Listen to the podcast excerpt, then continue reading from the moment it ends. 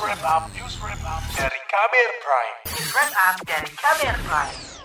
Turunnya angka kasus positif COVID-19 di Indonesia disikapi pemerintah dengan sejumlah kebijakan.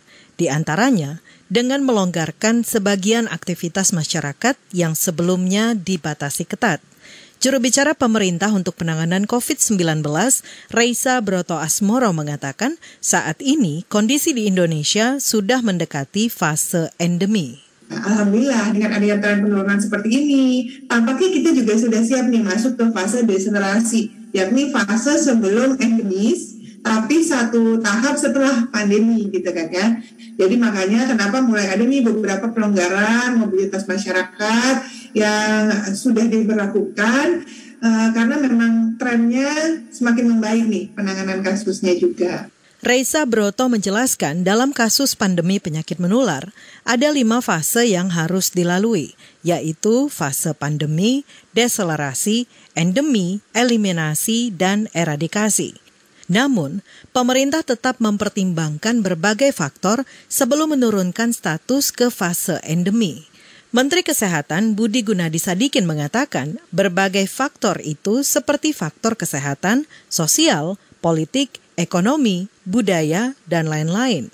Endemi sama pandemi hanya beda nama, tapi penyakitnya tetap ada, virusnya tetap ada, penularan tetap terjadi. Cuma derajatnya aja agak. Yang penting buat saya adalah endemi itu akan tercapai kalau masyarakat sudah memahami mengenai dan sudah melakukan protokol kesehatan sadar sendiri, bukan dipaksa oleh pemerintah. Salah satu syarat status pandemi turun ke endemi adalah laju penularan atau rata-rata reproduksi virus harus bisa ditekan di bawah satu dalam rentang waktu 3 hingga 6 bulan.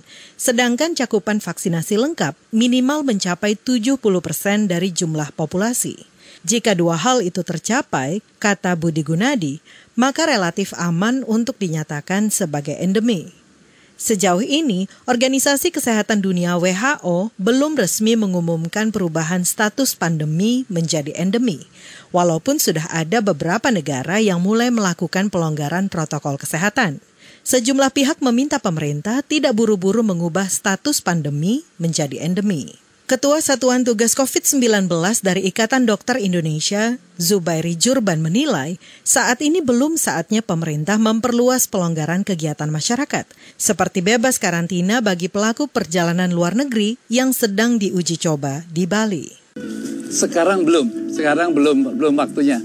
Jadi kapan waktunya adalah waktunya kalau seluruh Indonesia sebagian besar Omikron bukan lagi Delta kan sekarang sebagian besar Jawa Bali memang eh, Omikron. Namun di luar itu eh, Delta masih ada. Jadi kita perlu melihat dulu. Yang kedua adalah kalau penduduk Indonesia sudah mencapai target eh, vaksinasi. Jadi kalau sudah 70 persen, iya sudah 70 persen dua kali vaksin eh, boleh dipertimbangkan untuk itu. Apalagi kalau boosternya sudah makin eh, banyak.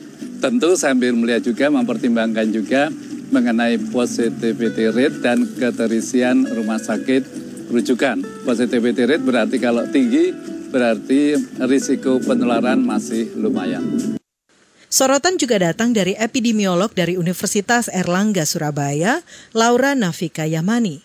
Laura mengatakan saat ini kasus penambahan harian COVID-19 masih cukup tinggi dan belum bisa dikategorikan pandemi terkendali atau era pra-endemi ketika ada satu negara yang kasusnya itu masih e, naik ya meningkat. Nah, ini juga akan berpotensi untuk bisa menyebar ya ke negara-negara yang mungkin sudah mengklaim kasusnya itu menurun. Bisa varian baru itu muncul karena masih ada e, misalkan tidak banyak negara tapi hanya satu dua dengan kasus tinggi itu juga akan berpotensi untuk e, menghasilkan suatu varian baru. Epidemiolog Laura Nafika Yamani menambahkan, saat ini pemerintah harus terus menjaga kestabilan kasus COVID-19 di tanah air. Karena itu, penerapan protokol kesehatan seperti jaga jarak, cuci tangan dengan sabun, hingga penggunaan masker harus tetap dilakukan, terutama saat ibadah Ramadan dan Idul Fitri yang kerap memicu kerumunan. Laporan ini disusun Agus Lukman. Saya Aika Renata. Kamu baru saja mendengarkan news wrap up dari Kabel Prime. Dengarkan terus kabelprime.id, podcast for curious mind.